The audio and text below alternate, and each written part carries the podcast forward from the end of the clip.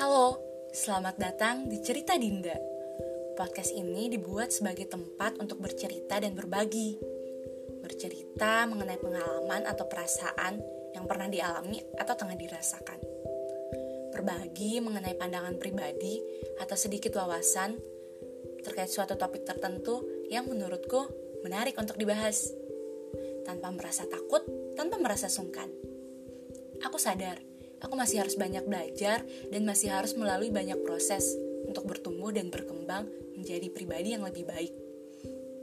Semoga podcast ini bisa menjadi salah satu caraku untuk bertumbuh dan berkembang.